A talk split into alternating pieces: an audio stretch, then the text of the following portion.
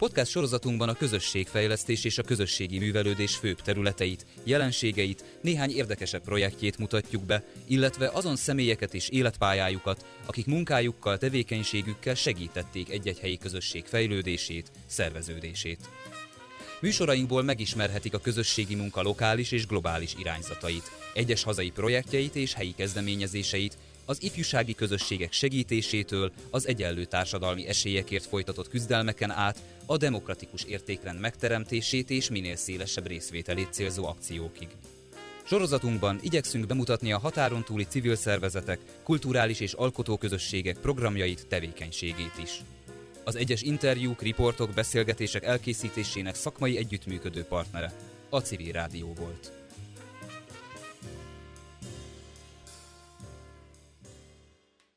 A közelmúltban kaptunk egy sajtóanyagot, aminek az volt a cím, hogy fogadj örökbe egy hátrányos helyzetű iskolát, és sőt igazából ez már az alcíme volt, Hungarikumok összefogása az esélyegyenlőségért.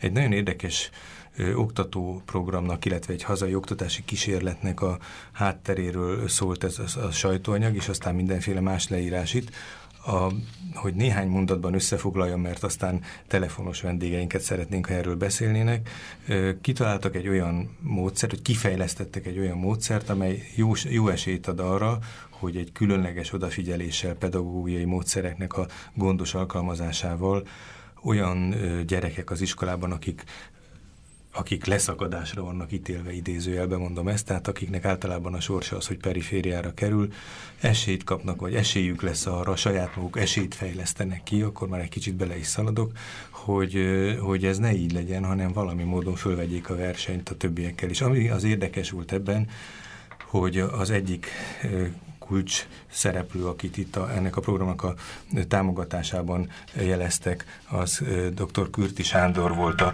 Kürt ZRT-nek a ö, tulajdonos alapító elnöke, és ha minden igaz, akkor itt van most a vonalban Kürti úr. Halló, jó estét kívánok! Jó estét kívánok, köszönöm szépen, hogy felhívtak. Szeretnénk, hogyha egy picit szólna arról, hogy hogy, hogy került a csizma az asztalra már, mint hogy hogy, hogy került ön ennek a közelébe, vagy hogy, hogy jutott a eszébe, hogy egy ilyen programmal valamilyen módon foglalkozom, hogy ennek a támogatásába kezdjen?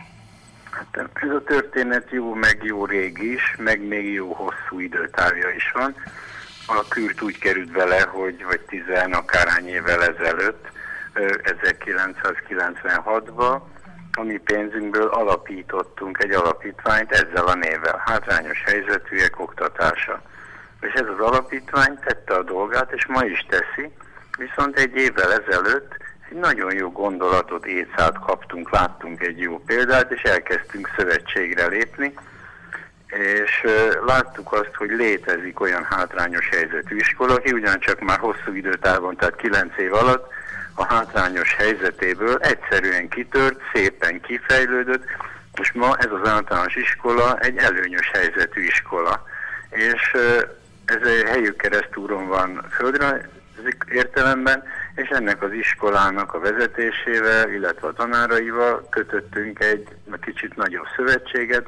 Ennek a lényege az, hogy klónozzuk az ő iskolájukat. Ez most felkiáltó jellel mondtam, vagy felszólító módva, hogy azt a technológiát, amit ők alkalmaznak, és ők nem az újukból szokták, hanem ennek a technológiának egy jó része az Egyesült Államokból származik a Stanford Egyetemből, azt próbáljuk meg más iskolákra is. Az ők tíz évüket próbáljuk meg besűríteni egy kilenc évre, tehát már ezt nem kell kitalálni, nem kell kikísérletezni egy csomó részét, hiszen ez működőképes, és az ő tanáraik menjenek el más hátrányos helyzetű iskolába, és tanítsák az ott a pedagógusokat. Ez menne magától is, ha ilyen egyszerű lenne, de hát azért ehhez a rendszerhez pénz kell. És ez a pénz az, amit most az első lépésben a hungarikumok adtak össze, magyarán a CVAK, a Gábor Dénes Díjasok klubja, meg a Kürt, hogy összeadott három iskolára való pénzt, amit át lehet állítani. Mihez kell a pénz? Hát annak a tanárnak, aki pluszban elmegy máshova oktatni, igenis pénzre van szüksége, hogy ő ezt lelkesedésre csinálja.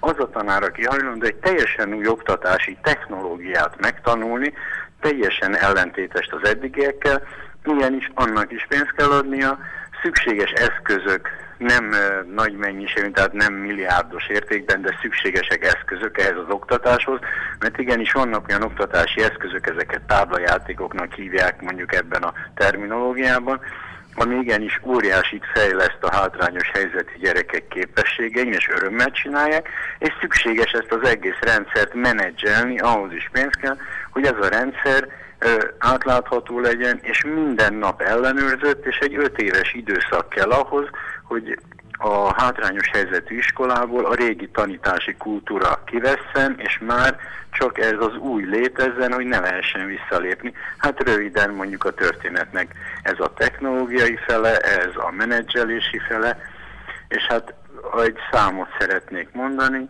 Magyarországon 3300 az általános iskolák száma, ebből 1500 az, amelyik hátrányos helyzetű, ez definíció kérdése, attól hátrányos helyzetű, mert vagy a szülőknek a ö, helyzete olyan, hogy nincs pénzük munkanélküliek, vagy a régió alapvetően hátrányos helyzetű, és ebből adódóan. Természetesen ezekben az iskolákban a cigány gyerekek száma lényegesen nagyobb a szokványosnál, és jószerivel ez az 1500 iskolában, ahogy ezt megértettem, potenciális munkanélkülieket képeznek, mert ezek a gyerekek képtelenek az adott oktatási technológiát megérteni, képtelenek verbálisan kommunikálni, mert nem úgy érkeznek az iskolába, és ezt, ezt a terhet végigcipelik a tanulmányai során. A helyezkedő keresztúri iskolában pedig ahol már tíz éve működik ez a technológia, igenis a gyerekeknek, a, minden gyerek elmegy tovább tanulni. Tehát ez egyáltalán nem jellemző a hátrányos helyzetű iskolákra, hiszen rettegnek az iskolától. Igenis, itt a gyerekek nem hiányoznak az iskolából, mert szeretik az iskolát, az egy jó hely. A szülők nem tartják otthon, mert a szülők is szeretik az iskolát. Hát ezek mind-mind modulokba összerakható képességek, és az iskola ezt tudja, és mi meg erre szövetkeztünk, hogy minél több ilyen iskolát rakjunk össze, akik elfelejtik azt, hogy hátrányos helyzetű gyerekek képzéséről van szó. Természetesen ez a technológia minden gyerek számára ö, használható, csak a hátrányos helyzetűek számára szinte kizárólag csak ez a technológia az, amelyik működőképes. Azt, ha jól láttam, a, vagy jól olvastam a hírét ennek az anyának, hogy igazából tehát nem a tanulókat, vagy az iskolásokat, vagy a családokat támogatják, a, nem, nem, a, nem, hanem, nem, a, nem, hanem semmi. a mentorokat, vagy a tanárokat. Csak a pedagógusokat és a képzési technológiának a megtanulását, megtanítását, és életben tartását, tehát hogyha ez a technológia kialakul egy iskolában, itt nincs olyan, hogy csak én akarom, vagy a másik tanár meg nem akarja, tehát azért ez egy egységes Közös iskola kell. kell, egy egységes vezetés, aki elkötelezett ebben a témában, és ez az iskola egy úgy tételezzük fel, hogy négy-öt év alatt képes. Mi az, amit eddig csináltunk, tehát azért van már közös múltunk is van, ezt idéző mondhatom, mert már két iskolát átoktattak a pedagógusaink, a helyük keresztúli pedagógusok, akik ebbe otthonosan mozognak. Hát és a, a sajátjukból át egy másik iskolába, úgy érti? hogy azok az iskolák, akik megtanulták ezt a technológiát, a következő lépésben már azok a pedagógusok is használhatók, most idézőjelben mondom klónozásra, használhatók arra, hogy ők is új iskolákat átoktassanak, tehát ilyen értelemben mondjuk ez a kezdeményezés, amit gondolunk, hogy mi elindítottunk, ez exponenciálisan növelhető. Ma nincsen ennek pénzügyi akadálya, tehát most ez idő kérdése, hogy ezt tudjuk csinálni. Előbb-utóbb természetesen ez egy magyar állami feladattá kell, hogy váljon, ha elhiszi mindenki, hogy ez sikeres, ha elhiszi mindenki, hogy ez működőképes, és abban az esetben ugye ezt az egész technológiát, amiről én most próbáltam néhány szóba beszélni, ezt be kell tudni építeni a magyar általános iskola iskolarendszerbe, és akkor mondjuk ez egy elég hosszú idő, tehát amíg az 1500 iskolát átoktatni, de mondjuk ez egy szép feladvány, és akkor utána még mindig nincs vége, mert elő kéne venni az óvodákat ugyanilyen szempontból, a középiskolákat, és vannak ennek olyan szeletei is ezeknek a feladatoknak, ami különlegesen kiemelt érdeklődésre kéne, hogy számot tartson, például az állami gondozott gyerekeknek a képzése, amit ma talán nem nagyon vagyok messze a igazságtól, hogy ott nem munkanélküliet kiképezünk, hanem eleve már börtönviselt emberkéket fogunk előállítani, vagy börtönöz közeli gyerekeket állít elő ma ez a képzési módszer, és hogy hogy lehetne ezt másképpen csinálni, mondjuk ebből még semmi tapasztalásunk nincsen, uh-huh. de hogy bele kéne kezdeni és ki kéne próbálni, az szinte egészen biztos. Azt nem tudom, hogy a külső támogatók közül ön volt-e, aki indította, de azt hadd kérdezem, hogy hogy viszonyultak a többiek, tehát hogy mennyire volt fogékony erre a, a ugye itt látszik a felhívásban, hogy a CVAK részvénytársaság és a Azonnal, tehát a CVAK is azt mondta, hogy hát hiszen, tehát a legújabb generáció, ugye fiatal ember, aki ma a CVAK-ot vezeti, a CVAK Sándor, azt mondja, de hiszen hát az apukám is így működött, hát az én őseim is így működtek, mert ők a 9. kerületbe szocializálódtak Budapesten, és már pedig ők támogatták eddig is ott az iskolát, azt, aki az ő számukra a gyárba a munkaerőt adta. Hát most ez már nem ennyire ilyen közeli, de ő örömmel vette, tehát neki csak annyi volt a kérése, hogy a 9. kerületből válasszuk ki neki az iskolát. Mondom, a kiválasztás nem túl egyszerű, mert nem egyszerű rámutatni, mert ahhoz az az együttállás kell, hogy a tanári kar egységes legyen, az igazgató elkötelezett legyen ezzel a módszerrel, és az önkormányzattal is kibátlan legyen a kapcsolata, mert abban a pillanatban, hogyha hajszál kerül a levesbe, akkor ezt a rendszert is, mint minden más rendszert is szétszednek, szétdobnak, és akkor hiába való volt minden pénzberakása és minden előkészülete. Találtunk ilyen iskolát a ö, 9. kerületben, aki a CVAK azt mondta, hogy igen, ezt a sajátomnak tudom érezni, ezt most idézően mondom, örökbe tudom fogadni. A Gábor Dénes díjasok klubja az is egy érdekes történet, tehát ők az egy nagyon magas presztízsű társaság, és ő nagyon óvatosan indult el a dologba, de amikor látta már a lépésről lépésre azt, hogy igenis ez a rendszer működik, működhet, van olyan, aki tud tanítani, és van olyan, aki tudja hallgatni ezt, tehát ha képes az átképzésre, akkor ők is azért komoly összeggel, tehát itt milliókról van szó, amivel beszálltak. És hát a Kürt meg tudta, hogy miről szól ez a történet eddig is, és a Kürt azt mondta, hogy már pedig igen, és mi is egy iskolát örökbe fogadunk, egy halmozottan hátrányos helyzetűt, ezt a lakkozó utcainak hívják, és már pedig igenis bírni fogjuk azt, hogy a, ezt a négy típusú költséget, amit felsoroltam, hogy azoknak a tanároknak, akik plusz munkát vállalnak, hogy oktatnak, kettes azok a tanárok, akik plusz munkát vállalnak, hogy meg akarják tanulni ezt az új gondolkodás és tanítási technológiát, azokat az eszközöknek, ami szükséges ehhez, és az egész menedzseléséhez szükséges költségeket a kürt igenis állnia, és ezeket átlátható módon kezelteti. Ez is egy nagyon fontos eleme a rendszernek. Ha jól értettem, idővel akár 1500 általános iskolát is megkeresnek majd, akik hátrányos helyzetű? Hát meg kell keresni, ezt nem én keresem meg, hanem én csak mondtam egy számot, ami Magyarországon a valóság, és el nem tudom képzelni, hogy nagyon sokáig föntartható az, hogy munkanélküliek képzése folyik az országban. Tehát ilyen értelemben ezt felszólító módban mondanám, hogy már pedig ezt meg kell csinálni. Valószínűleg, hát ez egy állami feladat, de az, hogy ez a projekt, amit mi H2O-nak nevezünk, kicsit bigfangosan, mert hátrányos helyzetűek oktatása, HHO, hát legyen H2O, megjegyezhető. Tehát, hogy ezt a H2O projektet, ezt ma egy egy szál fizetett alkalmazott menedzseli. De ennek ki kell nőni, egész biztos, tehát ha sikeres ebbe az oktatási minisztériumnak be kell vonulnia, meg kell tanulnia, hajlat, át kell vennie ezt, együtt kell működnie, de hát ezt hiszem azt, hogy ez időkérdése, és nincs semmiről sem, sincs senki lekésve. Mi ezt a sajtótájékoztatót egyszerűen abból a figyelemfelkeltési célból hoztuk létre, hogy pozitív dologról érdemes ma beszélni, ez egy pozitív dolog, bárki beszállhat, mert itt nem csak pénzre van szükség.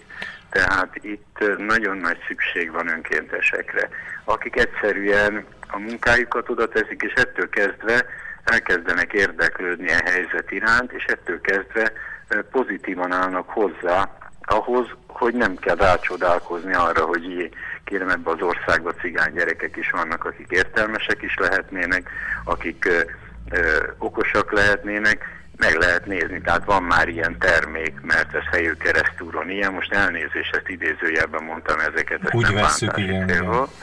És igenis nagyon nagy szükség van olyan fiatalokra, akik önkéntesként ebben részt vesznek, szerveznek ezeknek a gyerekeknek budapesti múzeumlátogatást, szerveznek kirándulást, hajlandók hozzátenni valamit az életükből, hogy ez a rendszer megváltozzon, óriási szükség van az ilyenre, mert ez magától, csak pénztől, csak technológiától, ez nem fog a helyzet változni, kellenek ezek az emberi attitűdök. És hogyan érzik magukat a gyerekek? Például Helyő keresztúron?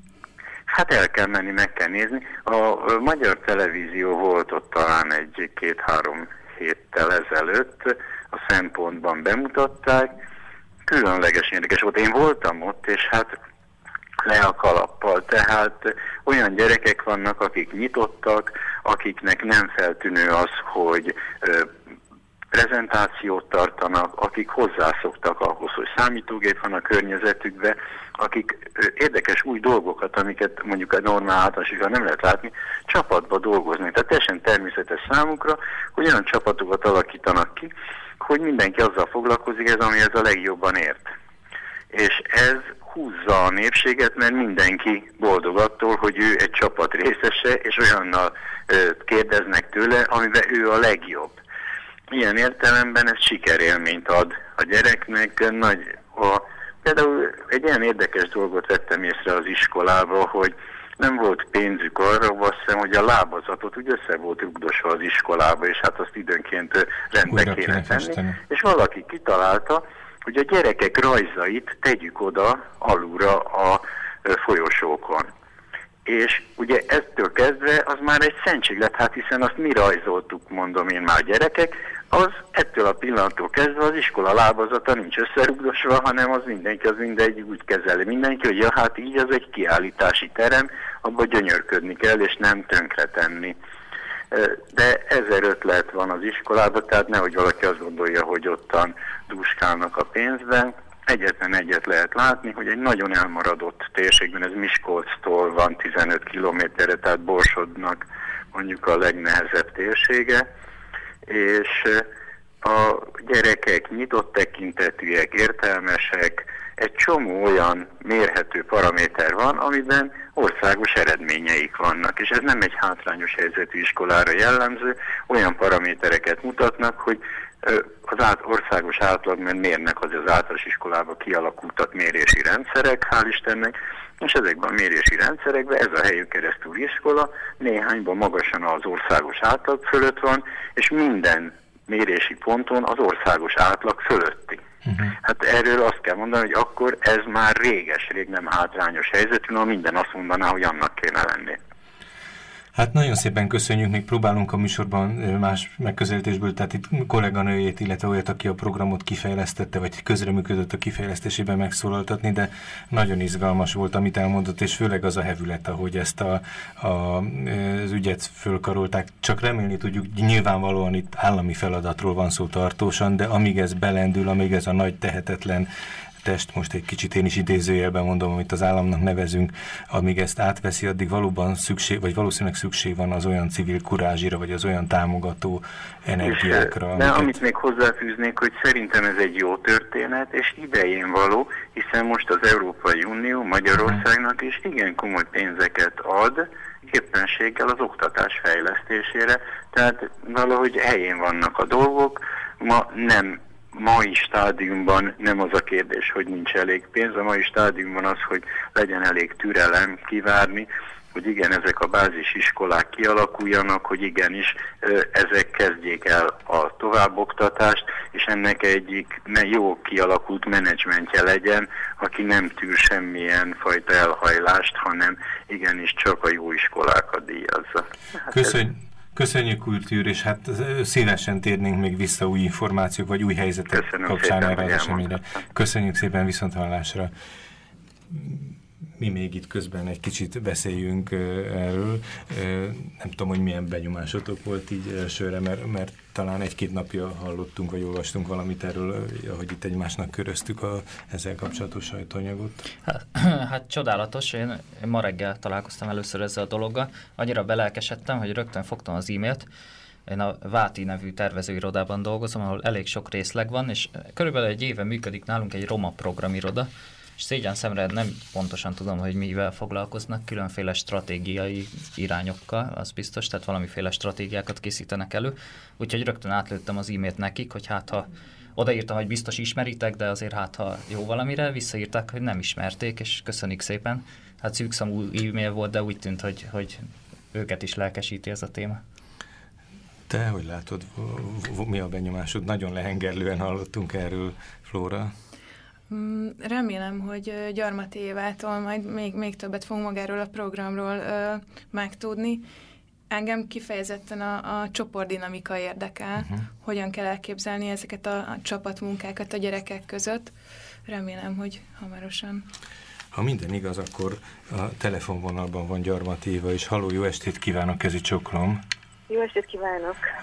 Köszönjük, hogy rendelkezésünkre állt az előző negyed óra, majdnem 20 percben egy nagy lendülettel Kürti Sándor nagyon izgalmasakat mondott arról a pedagógiai vagy oktatási kísérletről, aminek úgy tudjuk, hogy ön is az egyik ilyen segítője. Sőt, a, a programot sajtótájékoztatóra szervező média cég küldött egy egy érdekes, nem is tudom, de nem tanulmány, de minden esetre egy érdekes írást, ami az önneve szerepel, ami az intelligencia csapdáról szól, ami ismerve ezt a szöveget, és ismerve egy kicsit a hazai oktatási rendszert, hát nagyon ráismertem arra a, a konfliktusra, ami általában ilyenkor a, az akadémikus tudás és a, a helyi tehát a települési vagy a helyi társadalmi viszonyokban máshogy szocializálódók között szokott lenni. Egy pár percben, ha megosztaná velünk, hogy mi is ez az intelligencia csapda? Lényegében arról van szó, hogy az értelmi képességek nem egy homogén valaminek képzelhető el, hanem van egy gondolkodási képesség, ami valamilyen szintet mutat. És vannak a reproduktív képességek, amik tulajdonképpen azt jelentik, hogy már van egy ismeretem, amit uh, tudok mozgósítani. Na most ugye a probléma az, hogy az iskola elsősorban ezekre a képességekre épít, és nem arra a produktív intelligenciára, ami ennek az alapja.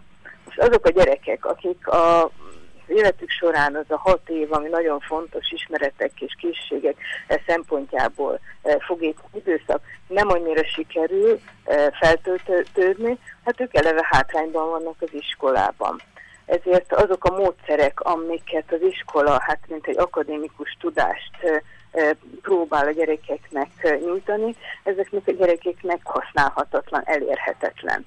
Ezért az iskola tovább neveli a hátrányokat. És ez, ez nagyon könnyen megoldható lenne, hogy hát néhány iskolában, ahogy például a helyő keresztúron is megoldjuk. Ö, azt ö, olvastam én, azt hiszem talán Kemény Istvántól valamikor, aki a cigánysággal ö, foglalkozott és kutatta, és az egy, talán az egyik legjobb hazai kutatója volt, hogy, hogy ö, mindig a frusztrációk, a hiányok felől szoktuk a cigányságot meghatározni, miközben van számtalan olyan tulajdonságuk, amik, amik a többségi társadalomhoz képest előnyük, és hogy ezeket kellene találni, és amikre én most, ön mit most hivatkozik ebben az írásban, egy picit rá is ismertem, mert ha jól emlékszem, hát régen olvastam ezt a tanulmányt, de ilyesmire hivatkozott Kemény István, hogy például a, a családi élet melegsége, vagy a pillanat megélési képessége, a társas kapcsolatokra hivatkozik ön ebben az írásban, tehát nagyon ismerősnek tűnt ez a dolog, és nagyon izgalmasnak. Ön való, vagy jól tudjuk, hogy valóban a programnak a kimunkálásában, hazai adaptálásában dolgozik? Hát tulajdonképpen a programnak a nagy része már adaptálásra került, 9 éve folyik, és most már kiderült, hogy ez működik. Ebben a részében én nem vettem részt, de hát végül is hasonló úton, egyéb területeken én is ugyanerre jutottam, és így kerültünk egy össze mhm. ebben a programban, hogy azokat a képességeket kell használni az iskolában a, ezeknél a gyerekeknél, amelyek megvannak náluk. Ez pedig, hogy nagyon jól átlátnak helyzetet helyzeteket, ezért például nagyon jók a stratégiai játékokban. Tehát, hogyha őket már akár óvodáskortól kezdve, amit szintén szeretnénk elérni, ilyen különböző táblás játékok, stratégia, például a sakk vagy hasonló kártyajáték is egyébként igen stratégiai játék, ezekkel fejlesztjük a gondolkodásukat, akkor az akadémikus tudás felé tudjuk őket közelíteni, mert ezeknek a logikája az ő átlátó képességükkel együtt fog szépen egy fejlesztést jelenteni. Ugyanilyenek a művészetek. A művészetek is ősidők óta a gondolkodás a lélek fejlesztésére voltak valók, és ezzel is eh, lehet közelíteni az embereknek a gondolkodását az akadémikus eh, gondolkodáshoz. És ez nem csak a cigány gyerekek, nem csak a hátrányosaknak jó, hanem mindenkinek jó. Hogyan kell elképzelni ezt az oktatási programot? Egyrészt megvannak a, a tanórák, a hagyományosan irodalom, matematika, minden, mint korábban, és még van pár óra, amikor sakkoznak, és nem tudom, hogy néz ez ki? Lényegében itt ugyanaz a tanítás folyik, tehát nem különbözik, de például a táblás játékokat beépítették ők a, a matematika órában. Hát az, hogy egy területet átlásson, hogy mi az, hogy területszámítás, ahhoz nagyon jó, hogyha már például akár egy sakkon, egy dámán már többször kellett neki a területen járkálnia. Az, hogy az átló micsoda, az egy természetes dolog. A háromszög, a négyzet, ezek nem új dolgok, amikor tanulja, hanem hát ott van, és az összeadás, a kivonás, a hozzáadók, elveszek, megszorzok, ezek a játékok közben már előfordult fogalmak, és segítik azt, hogy a matematika ne egy idegen tudomány legyen, hanem teljesen természetesen az élethez tartozó valamilyen tudás. És hogy képzeljük el, hogy itt homogén osztályok vannak, akik nagyjából azonos tudások, és úgy lettek ide összeválogatva, vagy pedig ugyanaz a differenciáltság, ugyanaz a keveredés megvan, ami bárhol az országban, tehát hogy látszólag nagyon jó, és vagy nem valóságosan nagyon jó, és egyébként nem jó tanulók vannak, bár nem tudjuk sokszor, hogy a nem jó tanulók azok nem jó képességűek-e, vagy csak rosszul nyugombot nyomtak meg rajtuk.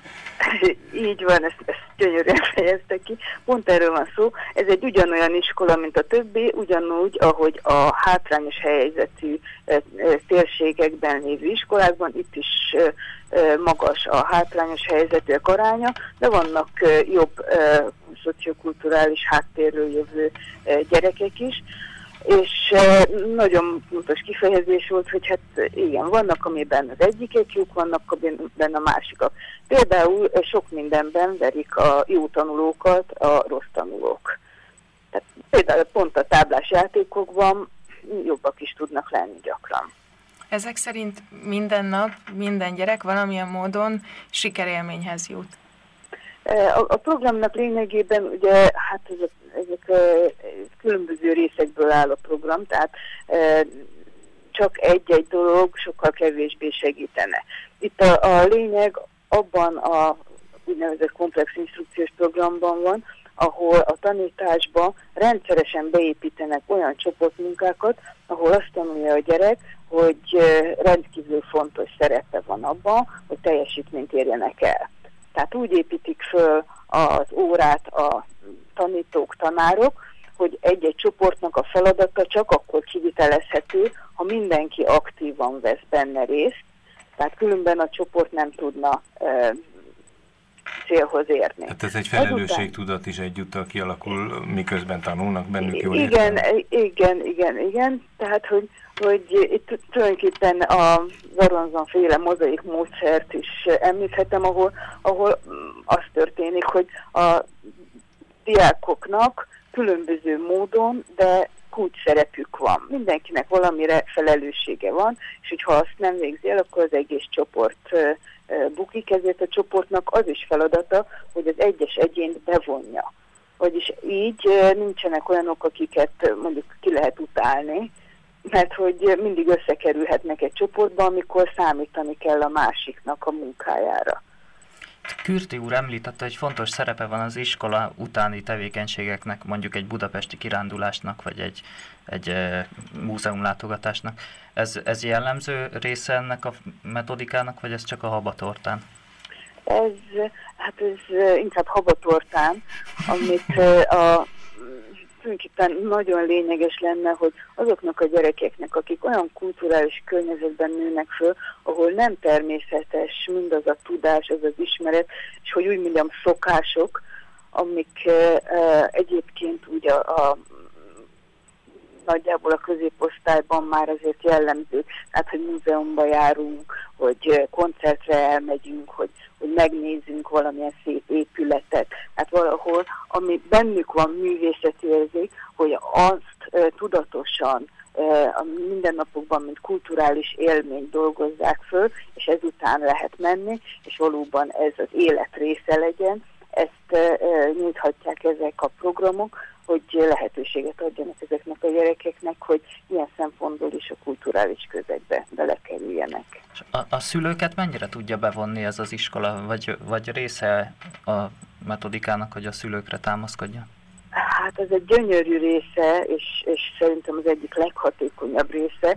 Tehát mindig azért persze ez mindegyikre szükség van, nem lehet azt mondani, hogy az egyik vagy a másikra hatékonyabb de amit úgy hívnak, hogy generáció közötti párbeszéd, annak az a lényege, hogy a szülők között is azt az érzést próbálják meg bevezetni, hogy, hogy mindenki jó valamire. Mindenkinek vannak erős oldala, mindenki tud valamit. Ez úgy történik, hogy a gyerekeket e, e, megkérik, hogy csináljanak családfát, és utána tudják meg mindenkitől, hogy mi az, amiben Isten jó. Hm. És akkor itt a favágás, a lekvárkészítés és az atomfizika bármi lehet. Tehát De mindennek értéke van. hagyományos kulturális értékek is újraértékelődnek, mert a hétköznapi Igen, tudás minden. És ez még semmi, mert ezek után a gyerekek kiválasztják azt, hogy mit szeretnének megtanulni. És akkor annak a szülőnek hát egy kérés fog menni, hogy jöjjön el, és egy csoportnak tanítsa meg.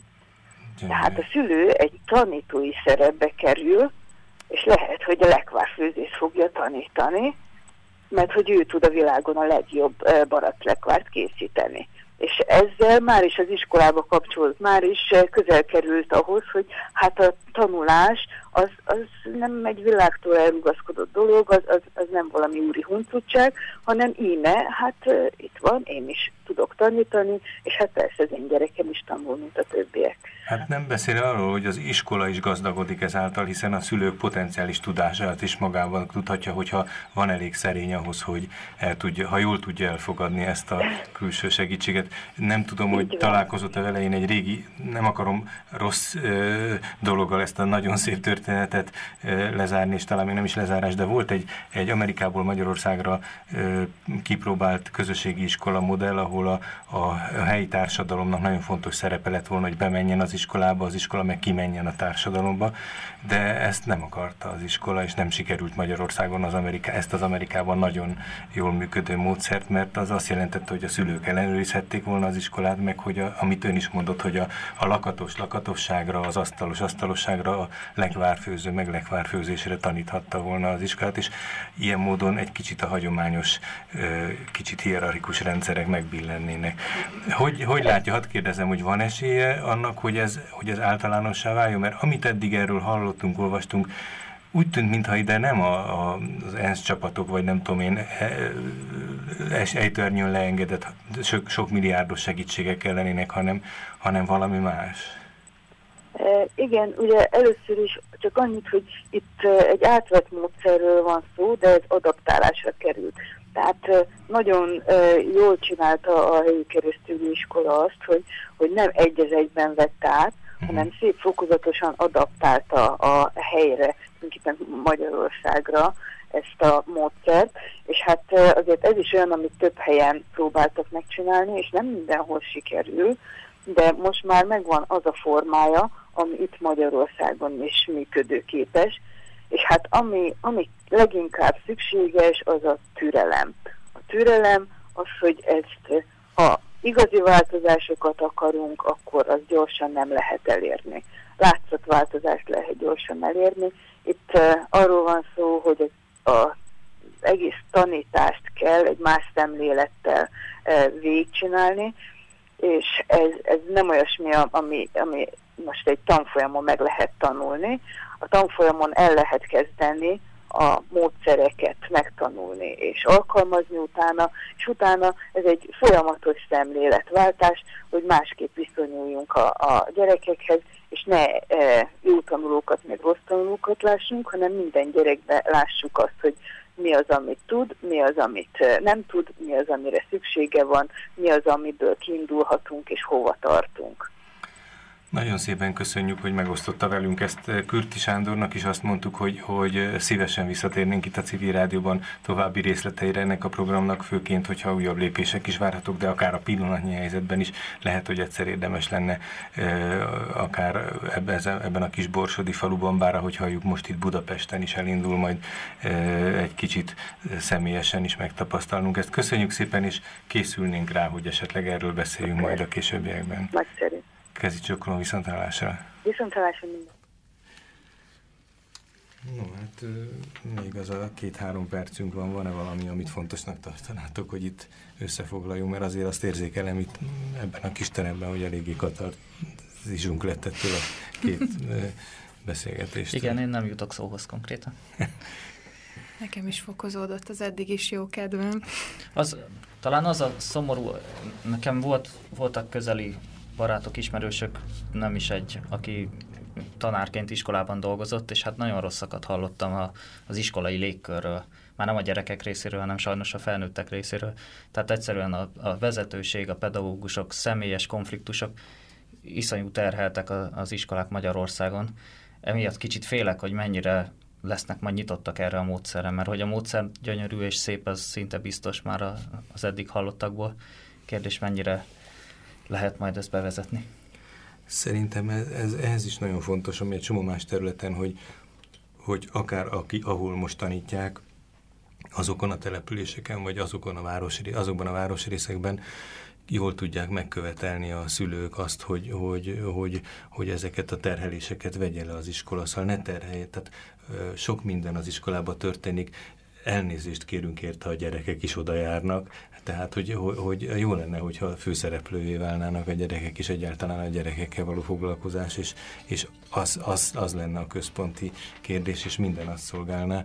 Nyilván vannak ilyen iskolák, tehát nem, nem jó, ha itt igazságtalanul és sommásan e, csak valami leegyszerűsített véleményt mondunk, de hát én nekem is van egy ilyen kis hátsó félelmem, de talán itt is érvényes az, amit itt annyi más téma kapcsán szoktuk mondani, hogy, hogy ki kellene tudnunk követelni magunknak azt. Ott szülőként, egy másik iskolában levő szülők halva erről prób- megpróbálni, hogy, hogy az ő iskolájukba is elvigyék, szóval, hogy, hogy nem csak magától történnek velünk a dolgok, hanem magunktól is, tehát hát, hogyha valamit ezen alakíthatunk. Illetve nincs kizárva, hogy a módszert annak van a receptje arra, hogy hogyan puhítson meg egy, egy iskolát, hiszen ezek a módszerek, amik a gyerekekkel működnek, valószínűleg a felnőttekkel is működnek. Tehát ugye le lehet ülni és végignézni, hogy melyik pedagógusnak van valami különleges tudása, ismerete, ki miben a legjobb. Tehát valószínűleg a felnőtteken is el lehet indítani ezt a pozitív visszacsatolásos dolgot.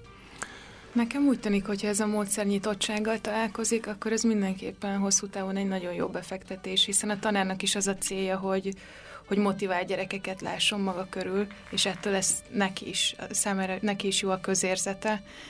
És én azért azt hallottam ki, hogy ez, ez helyő keresztúron már megvalósult. Úgyhogy reméljük, hogy, hogy egyre több helyen. Maradjunk ebben a reményben. Köszönjük a figyelmet. Ma este Balogh Flóra, Sajn Mátyás és Péter Ferenc voltunk a házigazdák, a témánk pedig a hátrányos helyzetű oktatás, a H2O módszer, ezt a jó kis blikfangos módszert e, ismerhettük meg, és a mi személyes kis történeteinken kívül a műsornak a nagyobbik felében Kürti Sándort és e, dr. Gyarmati Évát hallottuk, akik ennek a programnak a, a működtetésében ott a közelben dolgoznak, különböző szerepük van. Úgy gondoljuk, hogy fogunk még találkozni a személyükkel is, meg talán ezzel a módszerrel is.